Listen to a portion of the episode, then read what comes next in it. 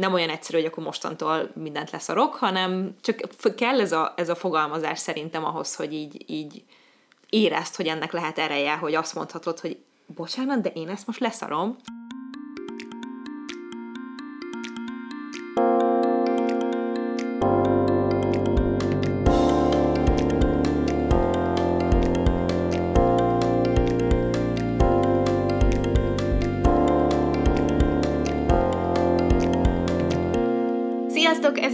Itt a Párnacsata Podcast legújabb epizódja, én Viki vagyok.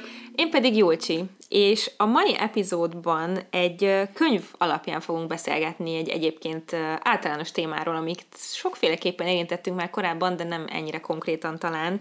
Ez pedig Sarah Knight, The Life-Changing Magic of Not Giving a Fuck című könyve, amit magyarra úgy fordítottak le, hogy nagy ívben a varázslatos módszer, amelyel örökre száműzhetsz az életedből mindent, amivel tele van a tököd.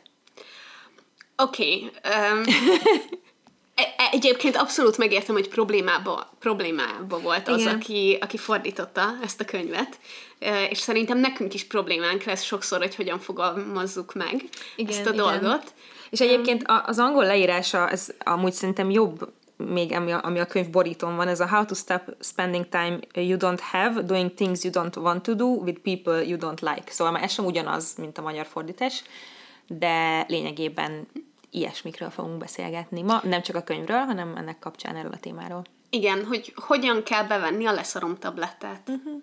De mielőtt még belevágnak, Jócsi, hogy vagy? Gondolkoztam a buszon idefelé, hogy mit fogok válaszolni erre a kérdésre. Akkor ez egy őszinte, nem fogom... előre kitalált válasz Nem, lesz. nem, ez teljesen így spontán, ami most okay. így jön. Uh, azt, azt fogom mondani, hogy nagyon várom a tavaszt. Az utóbbi napokban nagyon szépen sütött a nap, ma persze nem, mert ma esik az eső és sötétség van, de nagyon éreztem ezt a tavaszi kis felfrissülést, meg, meg, meg dolgokat, amit tudjátok, amikor vége van a télnek, és most már február vége van, mire ezt hallgatjátok már, nem is tudom, már bőven március lesz, és, és ez mindig, mindig ad egy jó kis lendületet, úgyhogy én nagyon várom ezt, úgyhogy szép lassan elkezdem a tavaszi nagy takarítást a lakásban, meg a tavaszi mindenféle dolgokra való felkészülést, meg színeket akarok az életembe, és most ez így jól esik. Úgyhogy minden oké. Okay. Te hogy vagy, Viki? Jól vagyok, köszönöm, én is nagyon-nagyon várom a tavaszt, legfőképp azért, hogy melegebb legyen, úgyhogy amikor volt valamelyik nap 10 fok is, uh-huh. és um, utána meglepődve tapasztaltam a következő két-három napban, hogy jaj, ne, fűteni kell, már megint hidegebb van, és ez nagyon rosszul esett, illetve muszáj elmondanom, hogy már olyan szögben süt a nap, hogy a szembe, a második emeletre oda süt egy ablakra, amiről visszaverődik ide hozzám a lakásba. Úgyhogy van egy olyan mm, két órás időintervallum, amíg egy ablakról visszaverődően van fény itt a lakásban, és nagyon, nagyon örülök neki.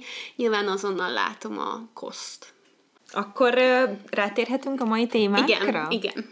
Na ez úgy volt, hogy ez a könyv, ez Vikié egyébként, aki kölcsönadta nekem egy évvel ezelőtt nagyjából. Olyan régen? Szerintem már nagyon régen, és egy párszor kinyitottam, de nem olvastam el végig egészen mostanáig, egy pár héttel ezelőtt olvastam végig, és csomó gondolatom volt vele kapcsolatban. Um, ezekről is fogunk beszélni, de egyébként ezt már sok mindenkinek kölcsönadtad, ha jól tudom. A kinézetéből is erre Ezt a könyvet 2017-ben vettem, ezt onnan tudom, hogy visszakerestem az Instámon, egyszer kitettem róla képet, és hát úgy képzeljétek el, egy, egy ilyen kis alakú, um, puha borítós könyv, ami ráadásul fehér. Volt egyszer. Volt egyszer, és, és nagyon sok embernek kölcsönadtam már, de hogy, hogy amikor ezt így mondtam neked, akkor szerintem, tudod, ilyen költői túlzásnak gondolt, érted, és aztán kedden a Maci mondta, hogy de nála is volt, és ó, oh, hogy nálad is volt, tényleg sok embernél volt.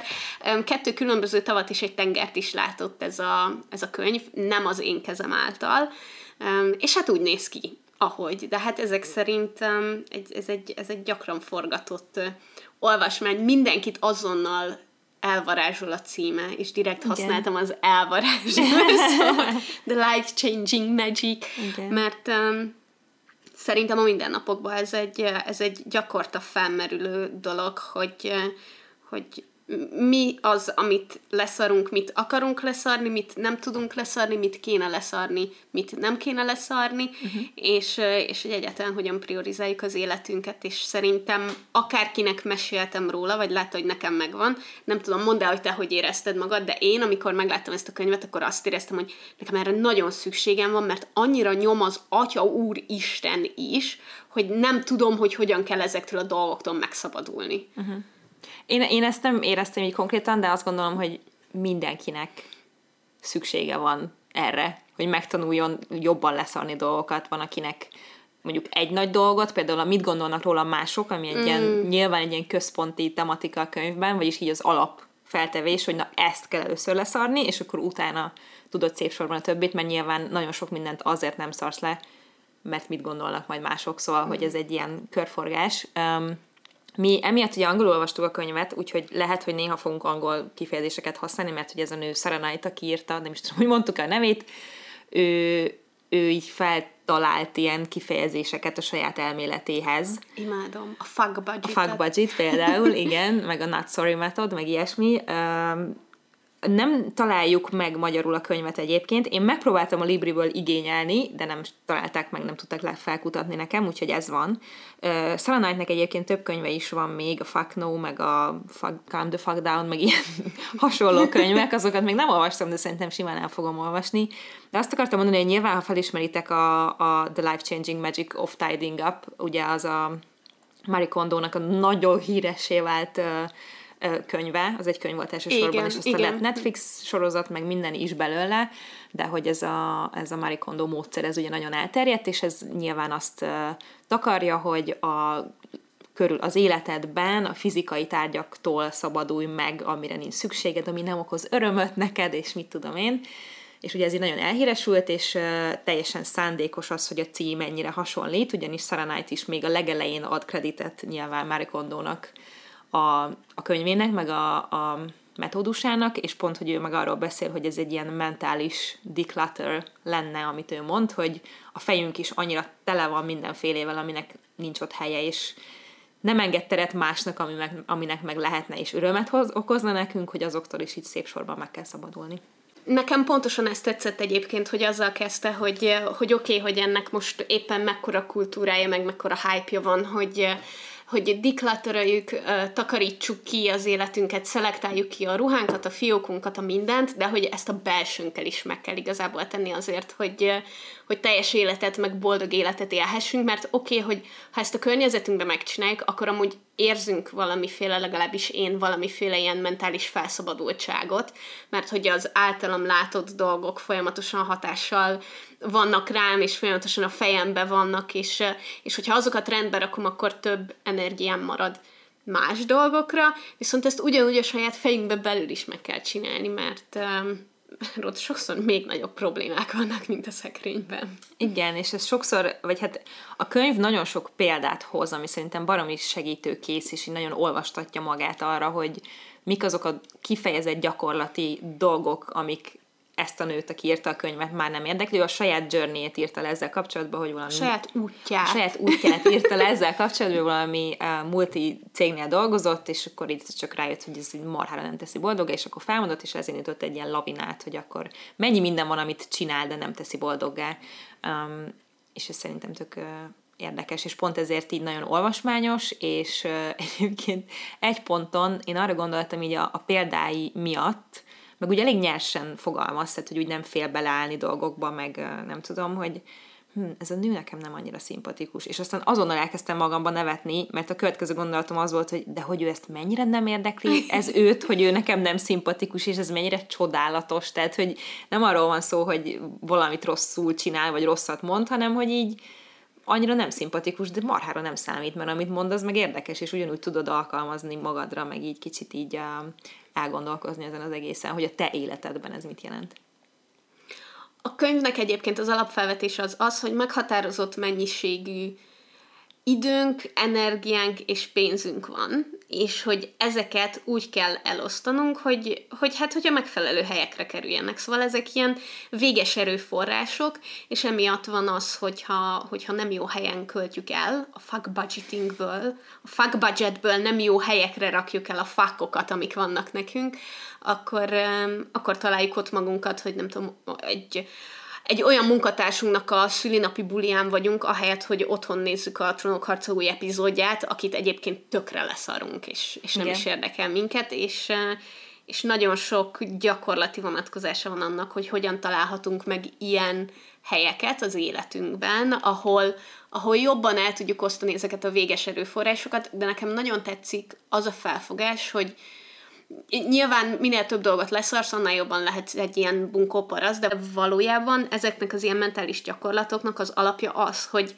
te kitaláld, hogy neked mi az, ami fontos, és mi az, ahova viszont szeretnéd allokálni ezeket az energiaforrásokat, amik vannak neked. Igen, igen. Um, nagyon sokat beszél arról, hogy, vagy egy nagyon fontos, fundamentális része ennek a metódusnak a, a nemetmondás, és az, hogy tényleg ne érezd kötelességednek, hogy valami olyan eseményen részt vegyél, valami olyan filmet megnézz akár, vagy, vagy részt vegyél bármiben, ami téged valójában nem érdekel, és mondjuk akár ebből az energia, idő, pénz háromszögből több területen is neked sokba kerül. Viszont ez a not sorry method, az a nem sajnálom, vagy nem tudom, hogy fordítsuk, az, ami meg arról szól, hogy mindeközben, amikor ezeket a nemeket mondod, és meghúzod a határaidat, ami szintén a határhúzás, az egy nagyon klassz dolog, nem lehetsz seggfej. És hogy ezt meg lehet úgy tenni, tudsz úgy nemet mondani, és válogatni azt szerint, hogy mi az, amit neked belefér az idődbe, és van kedved hozzá, és mit tudom én, hogy őszinte vagy, de kedves, és, és tisztelettudó, és hogyha ezek, ezekkel a módszerekkel kommunikálod azt, hogy te mit szeretnél, vagy nem szeretnél, akkor a másiknak nem nagyon van joga megsértődni, és biztos, hogy lesz, aki így is megfog, de az meg már nem a te problémád. Szóval, hogy ez nyilván egy ilyen nem olyan egyszerű, hogy akkor mostantól mindent leszarok, hanem csak kell ez a, ez a fogalmazás szerintem ahhoz, hogy így, így érezd, hogy ennek lehet ereje, hogy azt mondhatod, hogy bocsánat, de én ezt most leszarom, és most ez engem nem érdekel, de ezt magadnak mondhatod, a másiknak meg azt, hogy ne haragudj, nem érdekel ez a film, úgyhogy szívesebben lennék itthon a macskámmal, és akkor ezt el kell fogadnia, mert nem őt akarod bántani, csak kiállsz a saját és nem is, nem is feltétlenül kell azt mondani, hogy sajnálom, vagy hogy bocsánat, Persze. vagy nem, tehát, hogy nem, nem kell a másikkal azt éreztetni, hogy nekem a macskám fontosabb, mint te, hanem egyszerűen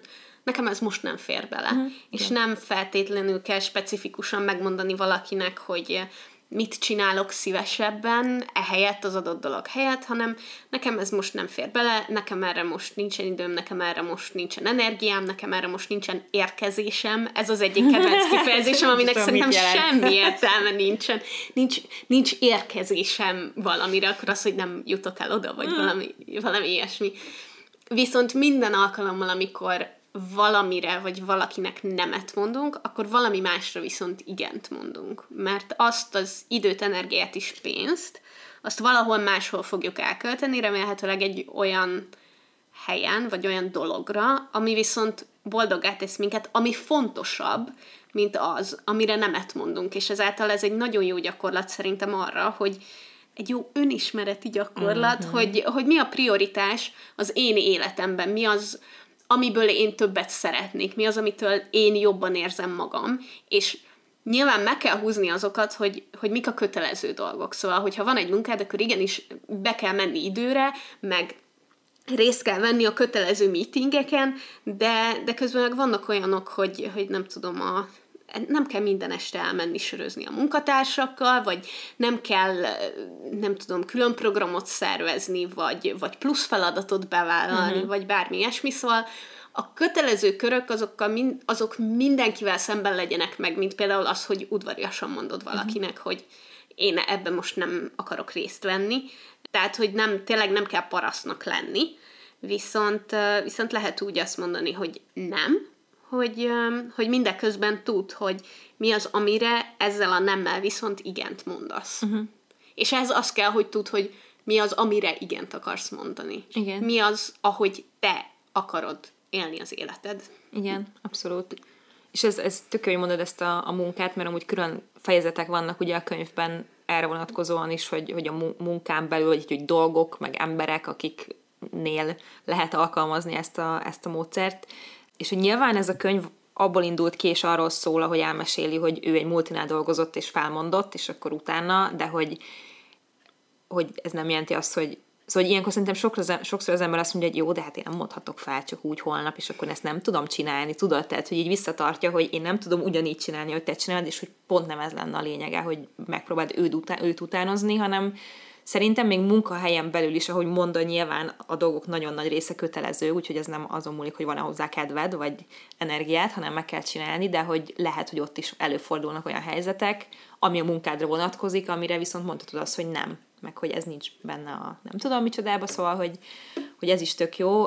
Emellett meg nyilván a szabadidőnk az, ahol a legtöbb ilyen dolog lehet, amivel tudunk szabadon gazdálkodni, és ami még amúgy nagyon érdekes, és így nem lehet elmenni mellette, hogy a különböző emberi kapcsolatokat is így egyfajta ilyen fokozással vannak jelen a könyvben, hogy a kollégák, ismerősök, aztán a barátok, és aztán a család. És így emlékszem, hogy így a családnál az első oldal az volt, hogy Hát igen, tehát valami olyan felütése volt, hogy na ez egy kicsit más tészta, mert hogy nyilván a családban előfordulhat, hogy több olyan dolgot kell megcsinálnod, annyi keresztelőre menni, meg esküvőre menni, meg mit tudom, ehhez nincs kedved, de hogy nem mondhatsz rá ugyanúgy nemet, mint egy random kollégád meghívására egy kerti partiba, és hogy ezért ott jobban kell mérlegelni valószínűleg az, a mások érzéseit, akik részt vesznek ebben, de hogy nem jelenti azt, hogy ott nem működik, vagy ott nem csinálhatod, csak, csak nyilván néha meg mondjuk érdemes kompromisszumot kötni, szóval, hogy ez nem egy ilyen 180 fokos fordulat, hogy akkor mostantól semmi nem érdekel, tök mindegy, hogy kikéri.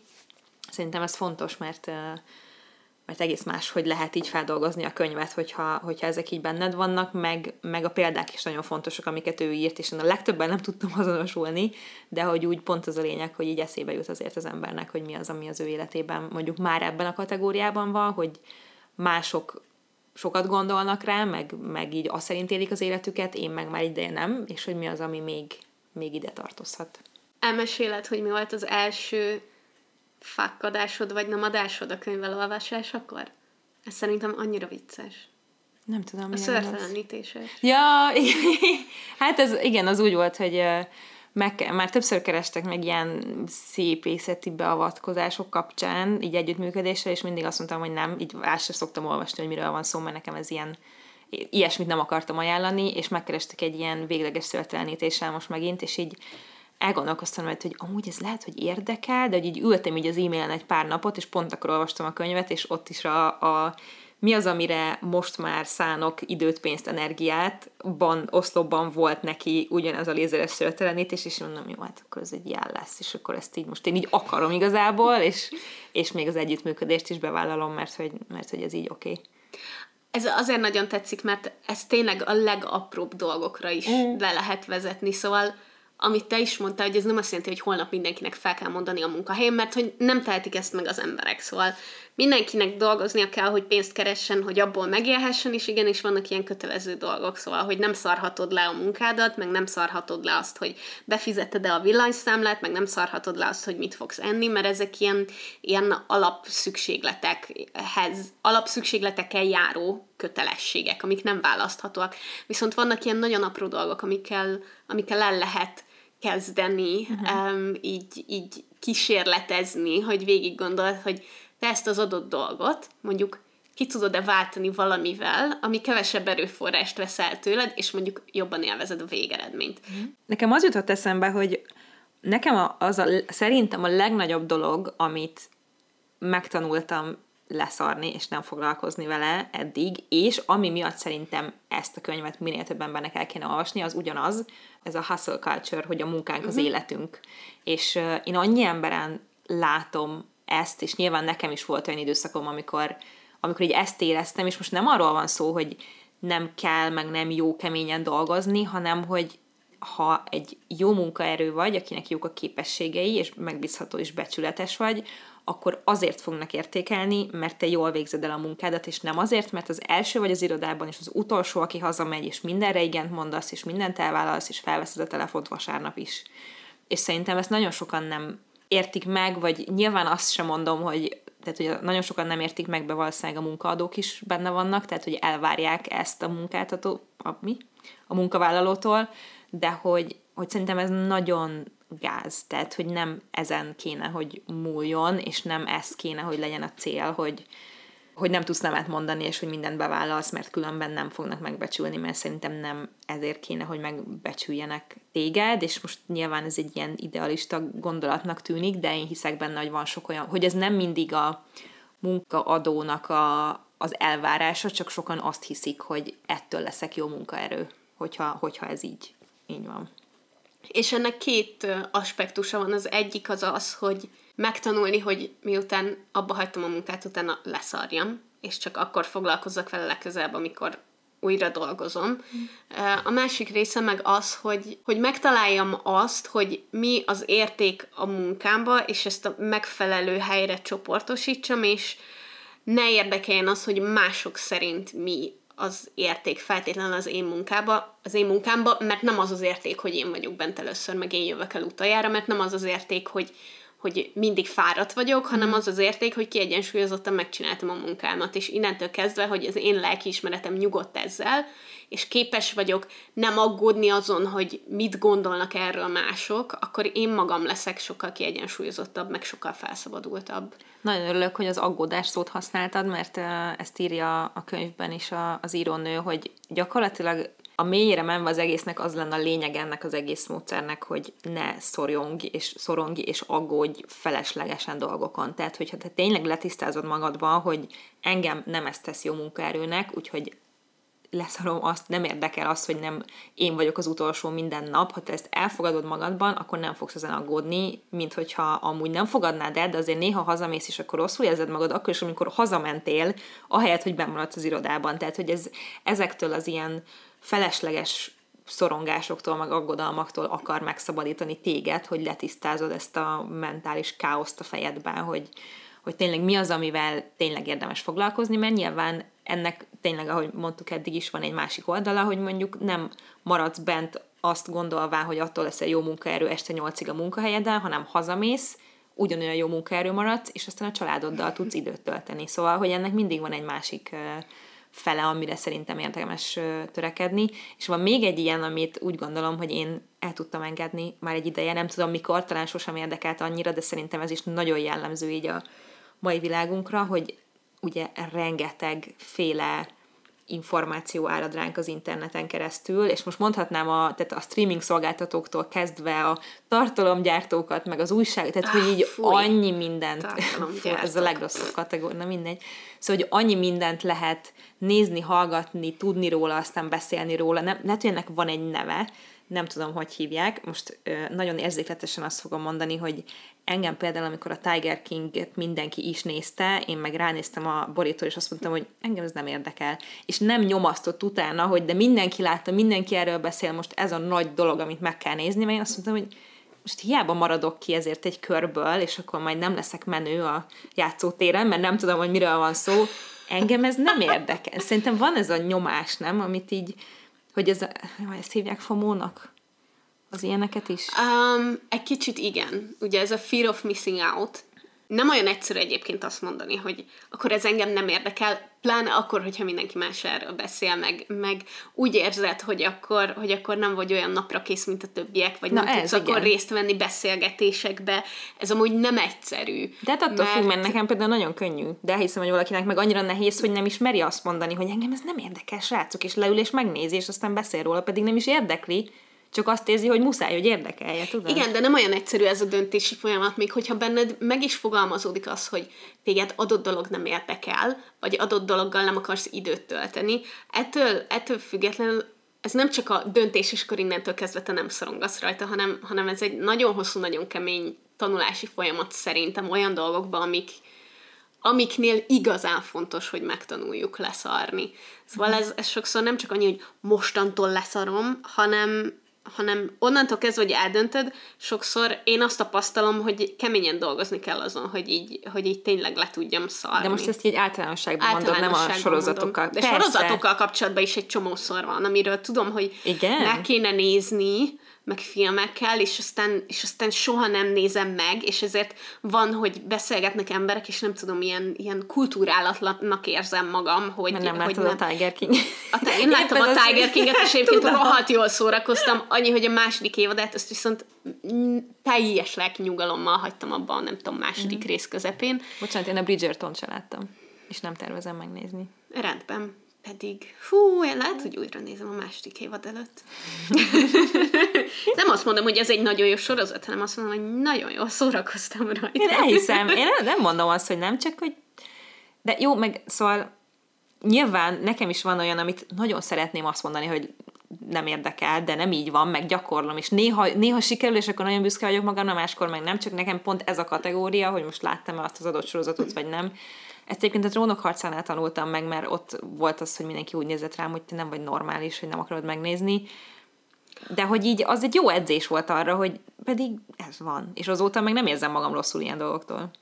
A múltkor beszélgettem valakivel pont erről, hogy aki leszarja, és nem nézi meg, az teljesen oké. Okay. Én is sok mindent leszarok, és nem nézem meg, és nekem aztán nem fontos, hogy hogy mindenki megnézze a trónok harcát, és ha téged nem érdekel, akkor én nagyon nyugodt vagyok, mert, mert akkor neked nem kell ezzel időt töltened, én meg megbeszélem valaki olyas valakivel, akit megérdekel. Viszont vannak azok a típusú emberek, akiket, akik nem tudják leszarni, hanem őket Idegesíti, nem? Hogy nagy a hány. Szerintem e, igen, és ő, és ő szerintük az az érték, hogy ők nem látták. Igen, meg hogy, meg hogy én utálom, és hogy én nem tudom mi. Igen, hogy én direkt nem nézem meg, és én több vagyok attól, hogy én nem néztem meg, és oh, ilyen, ilyen erőszakkal ellenállók, uh-huh. és ők viszont nem azok, akik leszarják. Akármennyire is tudod, nagy hangon vannak, akik hangoztatják, hogy én nem néztem meg a trónokharcát, én nem is fogom megnézni a trónokharcát. Ezzel pont ugyanannyi energiát elköltesz, és, és egy csomót gondolsz arra a hülyes sorozatra, Igen. ahelyett, hogy tényleg leszarnád, és, és nem foglalkoznál vele. Ó, igen, és ez egy nagyon általános jelenség, ez egy csomó mindennel van így, hogy én utálom azt a dolgot, és, meg ez, és miért? Hát mert, mert én utálom, mindenki imádja, én meg utálom. És akkor így ez nem egy érv, ne haragudj, hogy te most azért nem szeretsz valamit, mert sokan szeretik, tehát, hogy... Igen, meg a kedvencem, amikor úgy utálnak valamit, hogy nem is látták. Hát te erről beszélek, tudom. hogy fogalmat sincs, de azért te, neked ez most így kell, hogy utált. Szóval nyilván nem... nem és és sajnálom vagy, ez ezeket nem... az embereket egyébként, mert nekik a legrosszabb szerintem, mert, mert ők nem is akarják megnézni, mert nem is, nem is akarják élvezni, azért nem is élvezik, de közben annyira zavarja őket, hogy mégiscsak a fejükben van. Nekik a legrosszabb, mert na ők azok, akik a fuck budgetüket rossz helyen költik oh, el. Igen, Teljesen tudattalanul szegények, és ezért sajnálom őket. Nem mm. akarok, nem akarok ilyen lenéző lenni, meg ilyen degradáló, de, de őszintén úgy gondolom, hogy a világ egyik legfeleslegesebben elköltött energiája az, amikor azt mondod, hogy de én ezt akkor se nézem meg, hallod? Én ezt bizony nem fogom uh, megnézni. Oké, okay, van, dude, oké. Okay. Igen, meg azt tudod, mi, még ami nagyon hasonló, amikor valaki olyan uh, YouTube videókat néz például, amiket utál, és aztán odaírja, hogy megnéztem az összes videót, és mind szar. És akkor így Haver. Miért? De, de Na, nekik írnám nem fel a leszorom tablettát. Jó, ez most ilyenem nem volt, ez, de tudom, hogy létezik ez a jelenség. Meg volt már olyan, hogy kaptam ilyen nem nevezném negatív kritikának, mert igazából ilyen csak beszólogatás volt egy olyan embertől, aki nagyon sok videómat látta, és akkor így ülök, hogy miért nézed meg? Nem, kérlek szépen, szarjad le a videóimat, mindenkinek sokkal könnyebb lesz, mint hogy direkt rámész arra, ami idegesít téged, és aztán közlöd is a másikkal, hogy te most idegesítesz engem. Ez az ilyen direkt ellenállás, nem az, amikor uh-huh. valakinek egyszerűen rossz véleménye van, és Nem, távozik. persze, persze, azt, mert azt lehet. Vagy a, most, amikor bejelentik, hogy én most leiratkozom. Ó, oh, igen, igen, nagyon szépen köszönöm, hogy szóltál. igen, nagyon köszönöm, most nem tudom, minden megváltozik. Szerintem nagy rész benne van egyébként a FOMO is így ezekbe az ilyen nem tudom leszarni dolgokba, például amikor tegnap reggel csináltátok a, a szerelmi tanácsadós Igen. streamet Dáviddal, és én így ültem, és tudtam, hogy van dolog, amit szívesebben csinálnék, de mi van, ha lemaradok, mi van, ha érdekes, mi van, ha több mindent megtudok rólatok, hogyha ezt most megnézem, és igazából meg tudnám nézni, és eldöntöttem, hogy Nem, nem hagyom saját magamba ezt a nyomást, hogy valamiről lemaradok, ha nem nézem. Ezt nem hagyom saját magamba, hanem én tudom, hogy valami most engem jobban ki fog kapcsolni, vagy, vagy fontosabb, hogy azt most megcsináljam, akkor, akkor azt fogom megcsinálni, és megpróbálom leszarni azt a saját magam által generált teljesen hülye elvárást, mint hogy nézek meg mindent, mert nem tudom, mert majd akkor mindent tudni fogok, és majd akkor milyen jó szórakozok, és majd valamibe beleakoskodhatok, hogyha valami nem jó.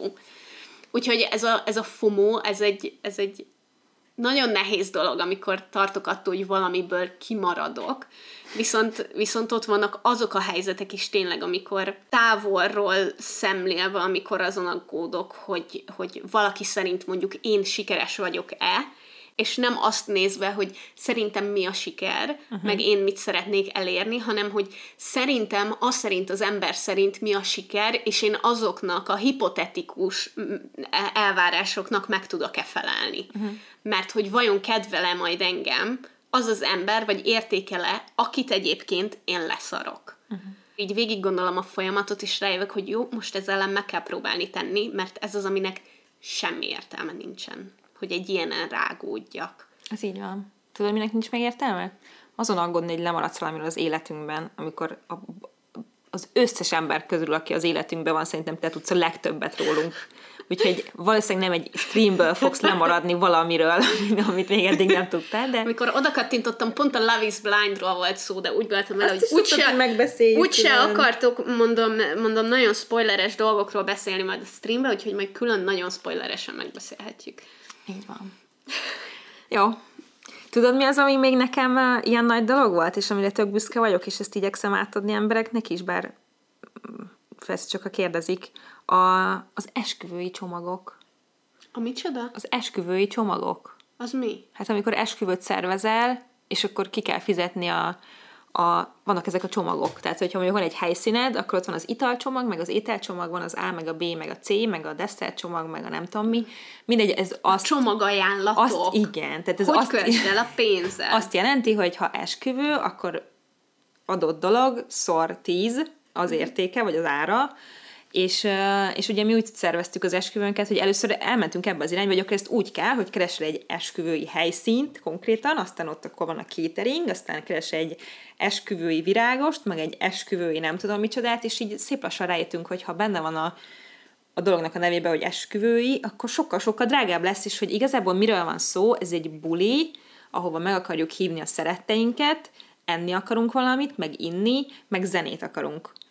És hogy ezt így meg lehet oldani máshogy is. Tehát, hogy aztán a nem tudom hány fogásos menüből, ahol amúgy is össze-vissza kell variálni, mert mert mindenki más szeret, meg más nem mehet, meg nem tudom mi, meg ültetési rend, meg nem tudom, az is hogy legyen, inkább odahívjuk az ingburgert, és akkor mindenki azt teszik, amit akar, amennyit akar, és akkor miért ne csinálnánk így, és senki nem fog felháborodni, hogy hol van a halászlé és az éjféli menü meg a pizza volt, bár nem emlékszem, hogy végül eljutottunk el odáig, hogy rendelünk, talán nem, mert nagyon sok volt a kaja, és aztán a tortánkat meg az egyik barátnőnk csinálta, szóval, hogy mindent meg lehetett oldani máshogy, és azon múlott az egész, hogy így felülírom ezeket a tradíciókat, meg hagyományokat, hogy hogy szokás ezt csinálni. Uh-huh. A hogy szokást, azt én úgy érzem, hogy már régóta is egyre jobban le tudom szarni. Tehát, hogy így nem azt szerint kell élnünk az életünket, hogy hogy szokás ezt csinálni, és most nem az összes szokásról beszélek, hanem ami engem nem érdekel, vagy máshogy gondolom, az ilyen népszokásokra is, gond, népszokásokra is gondolok, hogy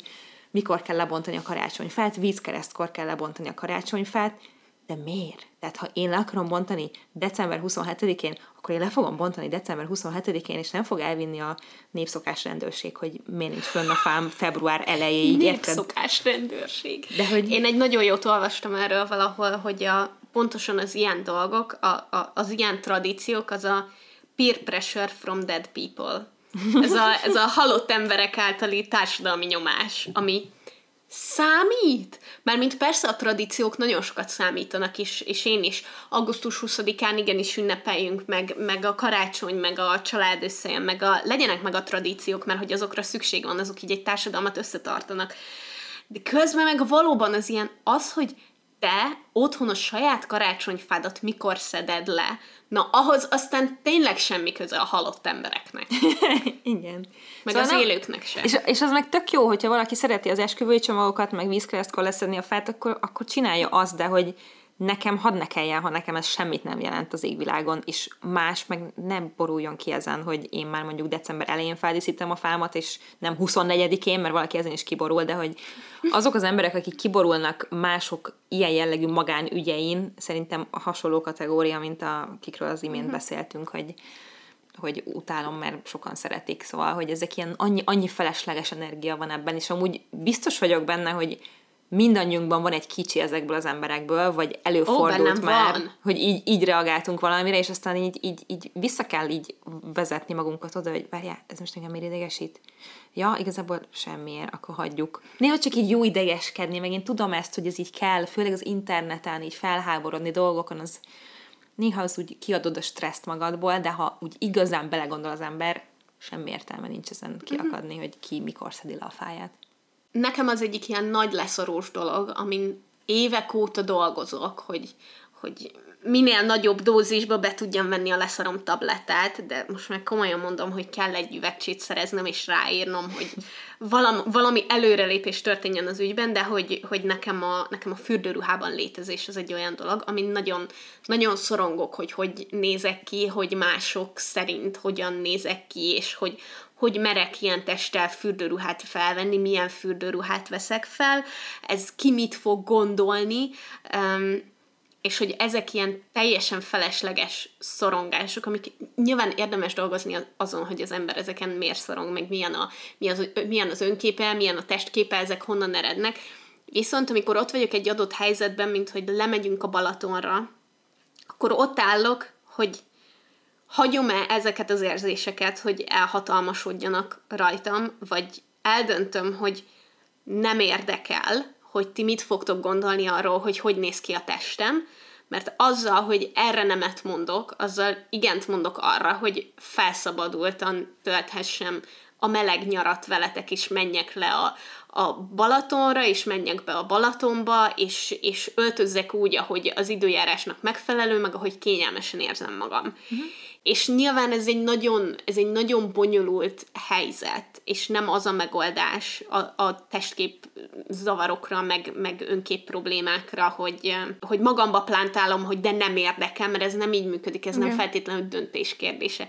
Viszont amikor ott állok, és elkapom magamba ezeket az érzéseket, hogy nem tudom, takargatom magam, vagy bármi, akkor, akkor így tudatosítom sokszor, hogy most arra figyelek, azzal töltök időt, energiát, hogy azon gondolkodjak, hogy most így látszik el, hogy, hogy nem tudom, itt van kettő hurka a hasamon, pontosan ez a, nem tudom, másfél perc, amit ezekkel a gondolatokkal töltöttem, az alatt a másfél perc alatt röhöghettem volna valakinek a viccén. Okay. És ez újra és újra, ezek ilyen folyamatos körök, amikor ezt így mindig tudatosítani kell magamba, újra és újra és újra, de közben meg tökre megéri, és sokszor azt is észreveszem, hogy mások mennyire jó példamutatók, uh-huh. tehát hogy azért a társaságban nem én vagyok egyedül az, aki pár sok kilót felszedett, így az elmúlt két évben, és az, hogy látom, hogy mások a saját testükkel milyen felszabadultak úgy, hogy szerintem nincs semmi baj a testükkel, uh-huh. meg szerintem így is szépek, uh-huh. akkor az saját magamnak is egy kicsit így inspiráció, hogy akkor én is tudok ilyen lenni. Igen. Akkor én is tudok szabadon létezni, és nem, nem ott tölteni a fejemben az időt, hogy vajon ki mit gondol, vajon ki mit lát, vajon, vajon mit gondolnak, hanem, hanem azzal töltöm, hogy felszabadultan élvezhessem azt az adott pillanatot. Igen, az biztos, hogy segít, hogy a körülötted lévők hogy állnak egy adott dologhoz, hogy akkor neked is, neked is könnyebb, és ezt így inspirálja. Egyébként nagyon szexi vagy abban a piros fürdőruhában. Köszönöm. De ezt mindig elmondjuk neked minden, minden egyes évben, amikor jössz és felveszed. Igyekszem majd többet felvenni. De hogy ezek, ezek a problémák nem ettől fognak megoldódni, hogy, hogy azt mondom, hogy I don't give a fuck. Uh-huh. Um, hanem ez ott abban a helyzetben tud nekem segíteni abba, hogy, hogy azt a szituációt hogyan kezeljem. Ezek a tudatosító dolgok, ezek mind-mind egy lépéssel közelebb visznek ahhoz, hogy, um, hogy én jobban érezzem magam, az már egy teljesen más kérdés, hogy, hogy a testképnek a, az étkezéshez, sportoláshoz való kapcsolata, hogy ezek a szorongások honnan erednek, ezeket, ezek, ez egy egészen más téma, tehát hogy ez nem fogja gyökerében megoldani a problémát, uh-huh. de, de segíteni meg tud ott abban az adott helyzetben nekem. Igen, egyébként én, én azt gondolom, hogy mi, amennyi idősek vagyunk, nem mint öregek lennénk, de hogy amennyi idősek vagyunk, meg amennyit foglalkozunk önismerettel, nem a kis dolgokkal kapcsolatban van dolgunk ebben a témában, amit, amit mondjuk könnyű megváltoztatni, meg elengedni, hogyha tényleg tudatosítod, és azt mondod, hogy uh, ezt mindig csinálom, és igazából nem érdekel, és mostantól nem fogom, hanem az ilyen nagy, nagyobb volumenű berögződésekig, ami nyilván kapcsolódik valamilyen érzékeny ponthoz, vagy valami mentális folyamathoz benned. Nekem ugyanez a kicsit így összevonva a, a komment háborúk az interneten, amit próbálok leszarni, és nem az ilyen random Facebook poszt alatti, mert azt sose csináltam, mert teljesen értelmetlennek látom, hanem amikor hozzám érkezik valami olyan, aki, aki értelmesen fogalmazza meg a hülyeséget általában, és én akkor néha elkezdek válaszolni, és aztán mindig rájövök, hogy nem kellett volna, mert, mert annyira messze vagyunk egymástól, hogy sose fogunk közelebb kerülni, és, és talán nincs is értelme ebbe időt, meg energiát rakni. Meg nem a vita tárgya a vita tárgya. Persze, nyilván. Um, úgyhogy ezeknél is nekem ezek ilyen kis, kis uh, um, nyereségek, amikor így azt mondom, hogy én erre most nem válaszolok, és el is engedem. Tehát nem az, hogy nem válaszolok rá, és aztán nem szorongok rajta egy napig, hogy úristen, de megírnám neki, hogy ezt, meg ezt, meg ezt, meg ezt, és akkor elmondom Dávidnak, vagy neked elmondom, hogy mit mondanék neki, de nem mondom neki, hanem hogy tényleg azt mondom, hogy jó, akkor ezt most elengedem, és ez most nem érdekel, szóval hogy ez nehéz nekem is, de hogy így a kis dolgoknak is lehet örülni, mint ahogy te is mondod, hogy ha megvan az a 15 másodperc, amikor inkább felszabadult vagy, mint hogy ezen aggódsz, és szerintem ez tök jó. A másik ilyen meg a, a, a kéretlen tanácsok, idegenek tanácsai az, ami, amit a fejemmel mindig is tudtam, hogy leszarom, de néha felidegesít. Tehát, uh-huh. hogy azt szeretném, hogy ne is idegesítsen fel. Ne az legyen, hogy hogy, hogy megfogadom, vagy elgondolkozom rajta, vagy nem tudom mi, hanem tudjam úgy leszarni és elengedni, hogy még azt sem mondom, hogy te mit, mit, mire gondolsz. És nagyon jó, mert most már tudok rajta nevetni, és az már egy másik szint szerintem, de az még mindig nem a teljes elengedés.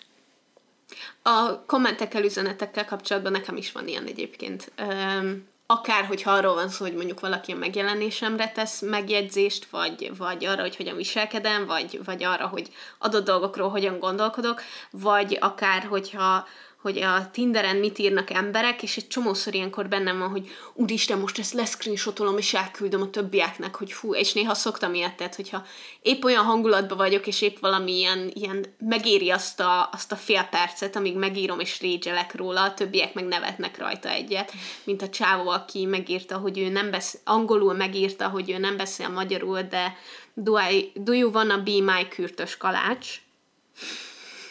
És ezt, elküldtem, és ezt elküldtem, és na ez pont, pont megérte azt, hogy, hogy, hogy elküldtem, és Hunter Pakson a főutca közepén felröhögött. Úgyhogy ez, ez pontosan elérte a célját, valakinek volt egy jó pillanata, én is röhögtem, de hogy egy csomó más ilyenem meg küldenek ilyen üzeneteket, de hogy már megtanultam azt, hogy nem éri meg azt, hogy leszcreenshotoljam, kivágjam a nevét, mert nyilván ilyenkor mindig kivágom a nevét, és elküldjem a többieknek, írjak mellé valamit, és aztán még amikor a többiek reagálnak rá, még akkor a fejembe még egyszer bejöjjön ez a téma. Igen. És egyszerűen úgy vagyok el, hogy nem, és így úgy unmatch, vagy, vagy blokk, vagy nem tudom, egy csomó, egy csomó közösségi média, meg ilyen, meg ilyen helyeken az van bennem, hogyha van valami olyan üzenet, vagy olyan komment, akkor, akkor eldöntöm, hogy ez most olyan-e, ami ami fog-e nekem örömet okozni, vagy szórakozást, hogy elküldöm ismerősöknek, és jól csámcsogunk rajta, meg ha-ha-ha,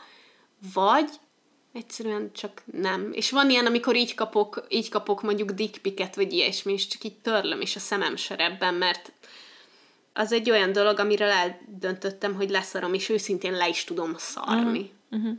És ezzel a nyugodt perceket a fejemben nyerem meg igazából. Igen.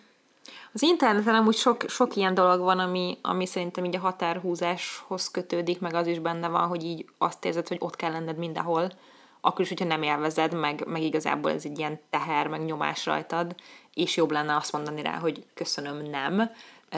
nekem például a TikTok ilyen, amit így sokan kérdezik, oh, és tud, tudom, hogy egyre többen már az én életkoromból is regisztrálnak, meg nézik, meg hogy vannak ott tök jó, én elhiszem. Két napja TikTokozok. Micsoda? Kettő napja letöltöttem a TikTokot. És jó? Miért, miért döntöttél így végül Azért, ennyi mert, idő után? Mert Viktor elkezdett TikTokozni, és nézni akarom a TikTokjait. És ez FOMO, vagy... Nem, őszintén szerintem jók a TikTokjai, meg hogy nyilván ez egy ilyen ismerkedni akarok vele, és el akarom dönteni, hogy valóban továbbra is leszarhatom-e, vagy sem, mik az előnyei, mik a hátrányai. Um, hát, hát, hogy érted, így üzleti szempontból fontos-e, meg meg tudnám saját magamat mondjuk találni rajta, de néha leszart dolgokat is újra kell értékelni, viszont abszolút értem, hogy miért szarad le, mert mm. én is egész eddig leszartam. És kicsit Igen. félve vallom be, hogy most próbálgatom, de most de ha élvezed, akkor tök jó, csak én úgy vagyok vele, hogy nekem sokáig volt Facebook oldalam oh, is. Ne, hogy nem élvezem. Ne, nem jó? Hát akkor... Uh, Úgyhogy... Ha, nem tudom. nem tudom, mit mondjak. Nekem volt sokáig Facebook oldalam is, mert azt hittem, hogy ez úgy kell. Tudom, amikor uh-huh. megcsináltam YouTube csatorna, Instagram oldal, Facebook oldal, Twitterem is van, de ugye az is csak ilyen katasztrofa turistáskodni járok fel. Um, és aztán így rájött, és így néha így kiraktam egy, egy posztot, de mindig egy tök rossz érzésem volt, hogy így kihez beszélek itt, meg így, olyan, olyan más érzésem uh-huh. van ott, a saját oldalamon se posztoltam az esküvőnk óta szerintem kb, vagy ha találtunk egy kis kutyát valamikor esetleg az, de hogy egyébként nem. És, és rájöttem, hogy igazából minek van Facebook oldalam? Tehát, hogy így nem kell, és aztán kitöröltem, és amúgy nagyon nehéz egy Facebook oldalt törölni, mert havonta megkérdezi, hogy biztos vagy benne, hogy nem akarod visszakapni az oldaladat. nem, köszönöm. És a Twitter, Twitter, a TikTok az meg egy olyan, hogy ha tartalmat akarok, ugye, és amúgy elhiszem, hogy tök jó dolgok vannak rajta, tök jó dolgokat lehet csinálni, tök máshogy működik az algoritmus, mint, mint máshol, tehát lehet, hogy felkapják egy videódat, és akkor azt nagyon sokan megnézik, de lehet, hogy a többit meg nem fogják, szóval, hogy de ha én tudnék még a tartalomgyártásba energiát rakni, az a YouTube csatornám lenne, az Instagram oldalam és a két podcast, amit csinálunk. Tehát, hogy én, én ez ilyen munkaoldalról nem érzem azt, hogy uh-huh. belefér még egy platform, ahol megint tök más dolgokat kell csinálni, de mégis ugyanazt már, hogy így nem tudom mi.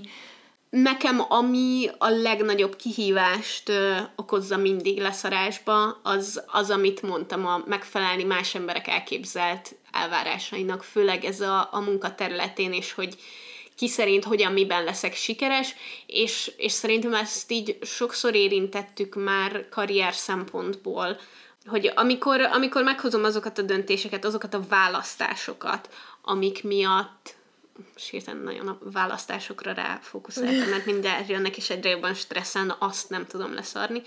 Amikor meghozok bizonyos döntéseket az életemmel kapcsolatban, azt például, hogy nekem fontosabb, hogy, hogy jól érezzem magam, fontosabb, hogy boldog legyek, fontosabb, hogy kiegyensúlyozottabb legyek, akkor is, hogyha szerintem mások szemében ettől mondjuk kevesebb leszek, mert hogy ha azok az emberek nem fontosak az életemben, és azoknak az embereknek a véleménye egyébként nincs kihatással az életemre, és nem számít, akkor, akkor meg kell tanulnom leszarni. Uh-huh. Mert ez valójában egy, a saját fejemben generáltam egy képet valakiről, meg annak a valakinek az elvárásairól, úgyhogy fogalmam sincs, hogy az valójában igaz-e, és azokat próbálom magamra erőszakolni, ami tényleg egy teljesen értelmetlen dolog, és sok esetben az, hogy én mondjuk mit csinálok a karrieremmel, meg a szakmai életemmel, azt, azt annak kell inkább befolyásolni, hogy nekem mi a jó. És ehhez nyilván fel kell fedeznem azt, hogy nekem mi az, ami fontos. Nekem mik a céljaim a saját életemmel, meg a saját karrieremmel kapcsolatban. Mi az, ami fontos, mi az, ami mi az, ami olyan nekem, amivel inkább szívesebben töltök időt, pedig tudom, hogy, hogy kevesebb lesz a megtérülése, vagy pont fordítva, mik azok a dolgok, amiket muszáj megcsinálnom, hiába nem élvezem, de akkor a megtérülése, hogy emiatt lesz lehetőségem valami mást leszarni. Uh-huh. Úgyhogy ez mind olyan dolog, amit így saját magamban meg kellett vizsgálni, hogy nekem mi a prioritásom, nekem mi a célom, én mit akarok elérni, én mitől érzem magam jobban, és hogyha ezek alapján hozok meg döntéseket a karrieremben, akkor őszintén mondhatom azt, hogy leszarom, hogy valaki más, nem tudom, pontszámozása szerint én, én hogyan és hol helyezkedem el. Uh-huh. És ez nagyon nehéz. Nekem legalábbis nagyon-nagyon nehéz az, hogy időről időre ne jusson eszembe, hogy a hárommal ezelőtti munkahelyemen, aki akkor a főnökön volt, és valamiben nézeteltérésünk volt, ő most mit gondol arról, hogy én most mit csinálok. Na ez az, amivel feleslegesen töltök időt és aggodalmat és szorongást, mert Igen. nem számít, és meg kell tanulnom leszarni. Nagyon érdekes, ahogy mondod meg, majd egy kicsit mesélj majd arról a másik könyvről, ami, annak mi a címe? The Subtle Art of... Az is Not Giving a Fuck? Aha, valami ilyesmi. Uh, van egy ilyen másik könyv, ami meg már a Selenite könyvére reflektál, de hogy te, te most ezt úgy, úgy mondtad el, hogy, hogy az az első, hogy megnézed, hogy mi neked a fontos és mit akarsz, és akkor az fogja, az fog meggyőzni téged arról, hogy ami viszont nem az a top, uh-huh. nem tudom, akárhány prioritás vagy cél, az nem annyira fontos, és azokat leszarhatod és elengedheted. Ez a könyv meg ugye inkább arra fókuszál, hogy tehát egy olyan, olyan élethelyzetben lévő ember van előttem, amikor olvasom a könyvet, akinek tele van a feje káosszal, és még sose foglalkozott. Tehát ilyen automatikusan csinálja a dolgát, uh-huh. amit mások mondtak, hogy csináljon, amit a barátai csinálnak, amit otthonról hozott, tanult, nem tudom, hogy, hogy neki még annyira tele van minden ilyen felesleges dologgal a feje, hogy azt se tudja, hogy mi az, ami neki a fontos, és azért kell először a számára egyébként idegesítő dolgokat kiszedni, hogy az teret adjon annak, ami fontos, érted? De hogy neked meg, aki meg már sokkal jobban tisztában vagy azzal, hogy mit szeretnél, neked inkább arra kell ráerősítened, és ahhoz képest kell a többi dolgot elengedni. Már vannak dolgok, amikkel kapcsolatban én nagyon ügyes vagyok. Például ilyen volt a hétvégi ilyen lányos találkozónk, ahol beszélgettünk a közös chatben, és hogy mindenki így beszélt a vasárnapról, és jó, hát jövő vasárnap igazából ráérek, vagy megnézem, hogy ráérek-e, és aztán így szombaton, szombaton volt, hogy így, hogy így írt Ritus, hogy akkor Viki, te így holnap, én meg így Ja, hogy az holnap, ja, hogy nem a jövő hét vasárnapról van szó, és hogy meg se fordult a fejembe, hogy magammal elkezdjek alkudozni, hogy el akarok-e menni, vagy sem, mert pontosan jól tudtam, hogy száz százalékban az fog nekem jót tenni, hogyha végre van egy nap, nagyon sok idő után, amikor nem csinálok semmit, semmi hasznosat, és sehova nem tudom azt elszámolni, csak és kizárólag a mentális egészségem és a fizikális egészségemnek a számlájára, és hogy ott fel sem merült bennem. Egyrészt azért, mert olyan emberekkel vagyok körülvéve, akik ezt megértik, és nem kell magyarázkodnom. Másrészt az, hogy, hogy nem éreztem azt a nyomást, hogy ha ti találkoztatok volna, akkor se lett volna fomóm, mert, mert én tudtam, hogy én most a nekem lehető legjobbat teszem épp. És ez, ez nekem nagyon sok tanulás volt például az ilyen jellegű dolgok, hogy, hogy kivel is hogyan találkozok, és nekem korábban nehezemre esett, hogy sok időt töltöttem olyanokkal, akikkel nem annyira éreztem jól magam. Uh-huh. És, és főleg az egyetem környékén nekem nehéz volt ezeket a kapcsolatokat leépíteni, és aztán a munka világában meg megszabni, hogy mik ezek a kapcsolatok. És nagyon örülök, hogy most már tudom, hogy adott találkozás úgy általában mennyit vesz ki belőlem, és mennyit ad nekem, és konkrét találkozás is mennyit vesz ki belőlem, meg mennyit ad nekem. És az, hogy volt egy ilyen szituáció, ahol fel sem merült bennem, hogy bármilyen külső nyomás hatására én igent mondjak rá, hanem annyira konkrétan saját magamat tudtam előtérbe helyezni, hogy ez át se futott az eszemen, erre egyébként nagyon büszke vagyok. Mert ez mindig ott kezdődik, hogy, hogy el kell gondolkodni rajta, hogy nem csak az, hogy van ehhez az adott dologhoz kedvem, hanem mi fog nekem jót tenni. És ez sokszor nem az automatikus dolog, ami azonnal jön, meg a, persze, hogy az ember jól érzi magát a barátaival, úgyhogy jót fog tenni, hogyha a barátaimmal leszek, mert nem, nekem akkor vasárnap délután este azt tett jót, hogy feküdtem a kanapén, és semmit nem csináltam. És kialudtam magam aznap, és rendesen ettem aznap, és, és ki tudtam teljesen kapcsolni. Ezek a felismerések szerintem a, a nagy a nagy munka, amikor leásol annak a mélyére, hogy adott helyzetekben, meg úgy átlagosan az életben mi az, ami nekem hozzá fog és mi az, ami viszont nem fog hozzáadni. Illetve azt felismerni, hogy ezek egy folyamatosan változó dolgok, és sok esetben a balanszt kell benne keresni. Igen.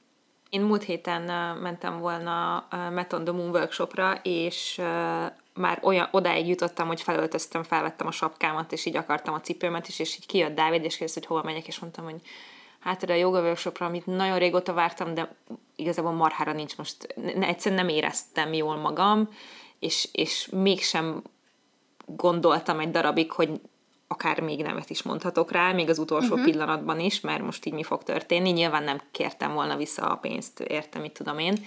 Um, és akkor majdnem mindegy lett volna neki, hogy ott leszek, tehát nem károsítok meg vele senkit gyakorlatilag. Uh-huh.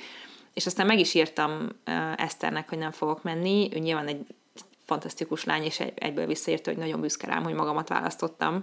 Oh. Tehát, hogy nem azt írta, hogy bármi mást, hanem, hogy ő még örült is neki, hogy én azt tudtam mondani, hogy fizikailag el tudtam volna menni, csak tudtam azt, hogy el tudnék menni, nagyon régóta vártam, de nem érezném úgy magam, ahogy egyébként érezném magam egy ilyen helyen, és hogy most ez így jobb, ha nem, és egyébként tegnap voltam helyette, és nagyon jó volt, viszont én attól tartok, hogy mi egy buborékban élünk ezzel kapcsolatban. Ó, nagyon.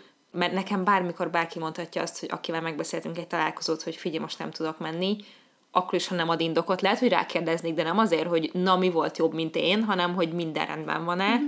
és hogyha igen, csak a kanapén akarsz ülni, vagy mit tudom én, akkor oké. Okay. Nem kéne, hogy magyarázattal tartozzunk egymásnak ilyen dolgokért, vagy attól féljünk, hogy hú, nincs elég jó indokom, tehát, hogy nem törött el a lábam, meg mit tudom én, úgyhogy úgyhogy muszáj lenne elmennem szórakozni, érted? Tehát ez a szabadidőd attól az, hogy azt hogy töltöd.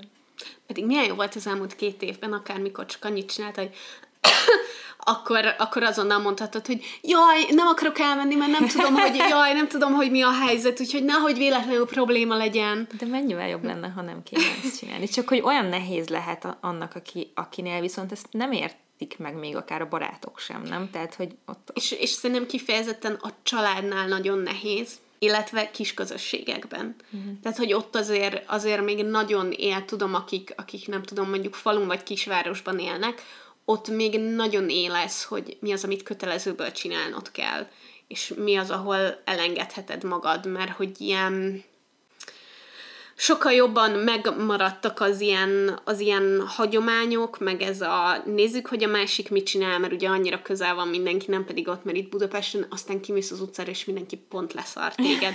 De ahol meg mindenki ismer mindenkit, ott meg egyáltalán nem ez a helyzet. Yeah. Illetve a családnál is, hogy annyira, annyira ilyen, sok ilyen, ilyen berögződött dolog van, hogy nem... A kettő nagyon különbözik. Az egyik, az pusztán arról szól, hogy mások mit gondolnak, a család viszont arról szól, hogy valakinek érzelmileg te mit okozol. Tehát ott sokszor azért vállaljuk be a kellemetlent, mert nem akarsz valakit megbántani, akit szeretsz. Okay. Jó, sokszor meg, sokszor meg azért nem akarjuk, azért nem vállaljuk be, hogy leszarjuk, mert, mert attól félünk, hogy mi lesz, miközben meg semmi következménye nem lesz. Ez, Igen, de ez, ez egy annyira bonyolult mérleg. Igen, de ez is, ez is olyan, ezt jól mondod, ezt a családi meg érzelmi dolgot, mert hogy itt nagyon fontos azt mérlegelni szerintem, hogy most tegyük fel, nem akarsz elmenni az unokatesód gyerekének a keresztelőjére, és tudod azt is, hogy mondhatnál nemet, de tudod azt, hogy neki nagyon fontos, hogy te ott legyél, és akkor uh-huh. nyilván az ő érzelmeit védve, mert te szereted őt, vagy érdekel, hogy ő jól legyen, akkor igenis el fogsz menni, és ráveszed magad, pedig a szabadidőd, és nincs hozzá kedved. Szóval, hogy vannak azok a helyzetek, amikor más érzelmeit figyelembe véve úgy kell döntened, ahogy amúgy nem döntenél. Szóval ez sosem fekete-fehér, de itt mindig az a kérdés, hogy mondjuk te mennyit sérülsz az adott dologban, mert hogy ennek, en, ezt a verziót el tudom képzelni úgy is, hogy neked valamiért ez egy nagyon fájdalmas, rossz élmény lenne oda elmenni, és akkor viszont a te fájdalmad vagy kellemetlen érzésed többet nyom alatban, mint az, hogy valaki örül, ne ha te ott lennél. Meg hogy ez hosszú távon milyen kihatással van a kapcsolatokra. Uh-huh. Tehát, hogy néha igenis be kell vállalni, hogy szar, hogy nem tudom, a párodnak a munkahelyi karácsonyi buliára elmész, mert nem tudom, ő akkor fog jó színben feltűnni, vagy az akármelyik utolsó családtagodnak a nem tudom, kosármeccsén ott vagy, amit tökre leszarsz, de tudod, hogy ez egy olyan dolog, ami így azt az adott dolgot leszarod, de közben a másik embernek meg annyit jelent, hogy inkább ezt a kicsit ezt így lenyeled, mert tudod, hogy neki ettől jobb mhm. lesz. Igen. Igazából bennem most az van, hogy szerintem most nekem egy ilyen szelektálást kell tartanom, mert azt vettem észre, hogy nagyon nincsen időm, és nagyon nincsen energiám, és kicsit újra priorizálni kell, és meg kell keresni, hogy mi az, ami fontos, mi az, amiből vagy egyéni, vagy bármilyen hosszú távú, vagy szakmai, vagy valamilyen előnyöm származik, és mi az, amiből nem, de mi az, amitől jól érzem magam akkor is, hogyha nem, és egy ilyen, nem tudom, le kell redukálni azt, hogy nem csak azt, hogy mennyi minden van a mindennapjaimban, hanem hogy mennyi minden van a fejemben, és minek adok teret ebben, mert az, hogy folyamatosan úgy érzem, hogy nincs elég időm, meg folyamatosan úgy érzem, hogy le vagyok fáradva, akár csak fejben, nem is fizikailag, az igazából egy jó jel arra, hogy a meglévő erőforrásaimat, az időmet, energiámat és pénzemet nem megfelelően költöm el. Uh-huh. Szóval ez, a, ez amiről Saranite is ír, ez a fuck budget, az az, hogy van egy, van egy malac persed, és adott számú fuck, eh, nem tudom, érem van benne, és hogy azokat hova költöd el, azokat hova teszed. És az, hogy úgy érzem, hogy a fuck budgetem az, az kimerült, az azt jelenti, hogy, hogy valószínűleg nem jól költöm el ezeket. Uh-huh. És ezt kicsit így mérlegelni kell, hogy adott találkozók, vagy adott munkák, vagy adott akár szabadidős tevékenységek, azok, azok mennyit adnak nekem vissza, és megéri-e arra az adott helyre elköltenem azt a, azt a fak ermémet. Uh-huh. Igen. Úgyhogy én azt hiszem pár évvel ezelőtt amúgy, amikor elolvastam ezt a könyvet, ez amikor volt öt évvel ezelőtt körülbelül, mm-hmm. akkor nagyon jó ilyen, ilyen fuck budgetelést csináltam. Tehát szerintem azért, hogyha valaki elolvassa ezt a könyvet, eléggé repetitív, és ahhoz, hogy, hogy elég jól ezeket a módszereket így beléd nevelje, és hogy ilyen természetes legyen egy idő után így a metódusnak a, a menete, és azokat emiatt el tudod kezdeni alkalmazni, de ez olyan régen volt, hogy, hogy most kifejezetten úgy érzem, hogy, hogy szükségem lesz újra egy ilyen, egy ilyen takarítást tartani. Tudod, mint amikor kitakarítod a lakást, és akkor nagyon jó vagy egy pár napig, vagy egy hétig, Igen. de utána újra elkezd koszos lenne, újra, újra elkezdenek össze-vissza helyeken lenni a dolgok, és ezért így látod, hogy jó, hogyha nem is annyira nagy takarítás, de egy kisebbet megint kell tartani, vagy el kell pakolni, vagy valami, és ez a mentális részébe is ilyen szerintem, hogy csinálsz egy nagy takarítást, és utána odafigyelsz rá, hogy hogyha elkezd bekoszolódni, vagy elkezd rendetlenség lenni, akkor, akkor újra, újra egy kicsit rendet rak, és szerintem én most egy nagy takarítás előtt állok, uh-huh. belső, belső szelektálásban és, és rendrakásban.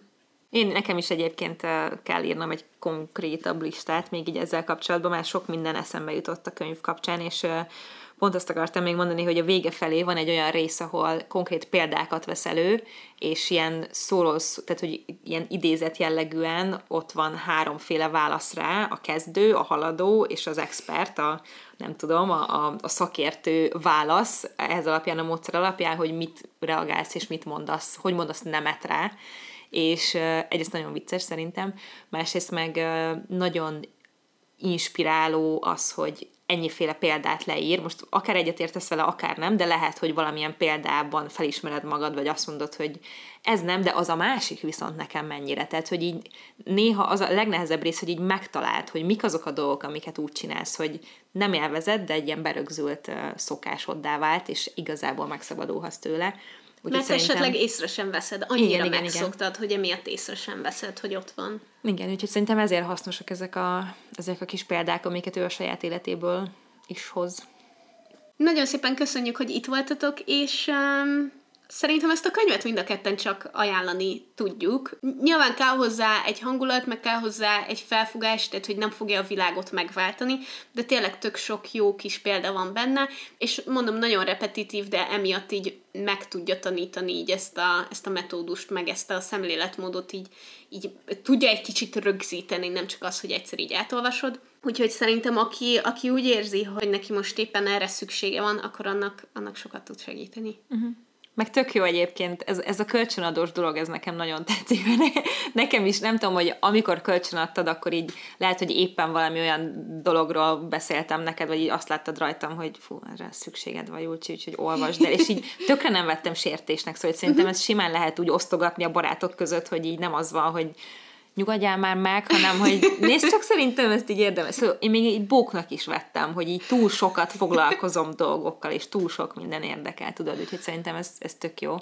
De nagyon reméljük, hogy már ebből az epizódból és beszélgetésből is sikerült esetleg valamit magatokkal vinnetek, amit tudtok jobban átgondolni, alkalmazni, esetleg listát is írni azzal kapcsolatban, hogy mit kéne jobban elengedni, és mi az, amire több időtök lesz így, és boldogabbak lesztek tőle.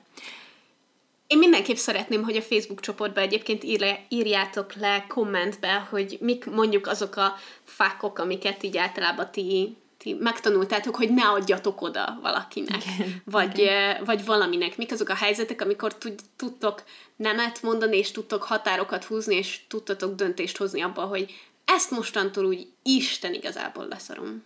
Igen, ez engem is nagyon érdekel.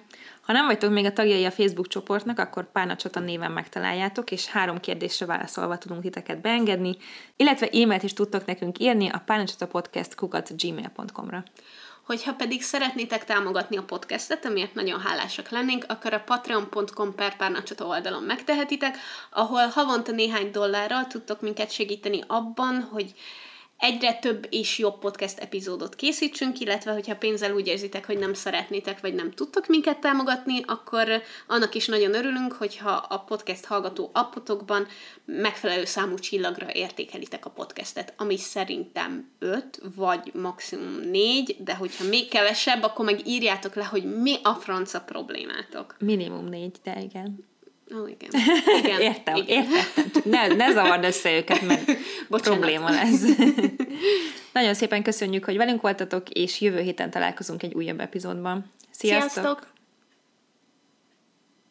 Yeah. Yes. Milyen cukin ott elaludt közben. Igen. Én? Én?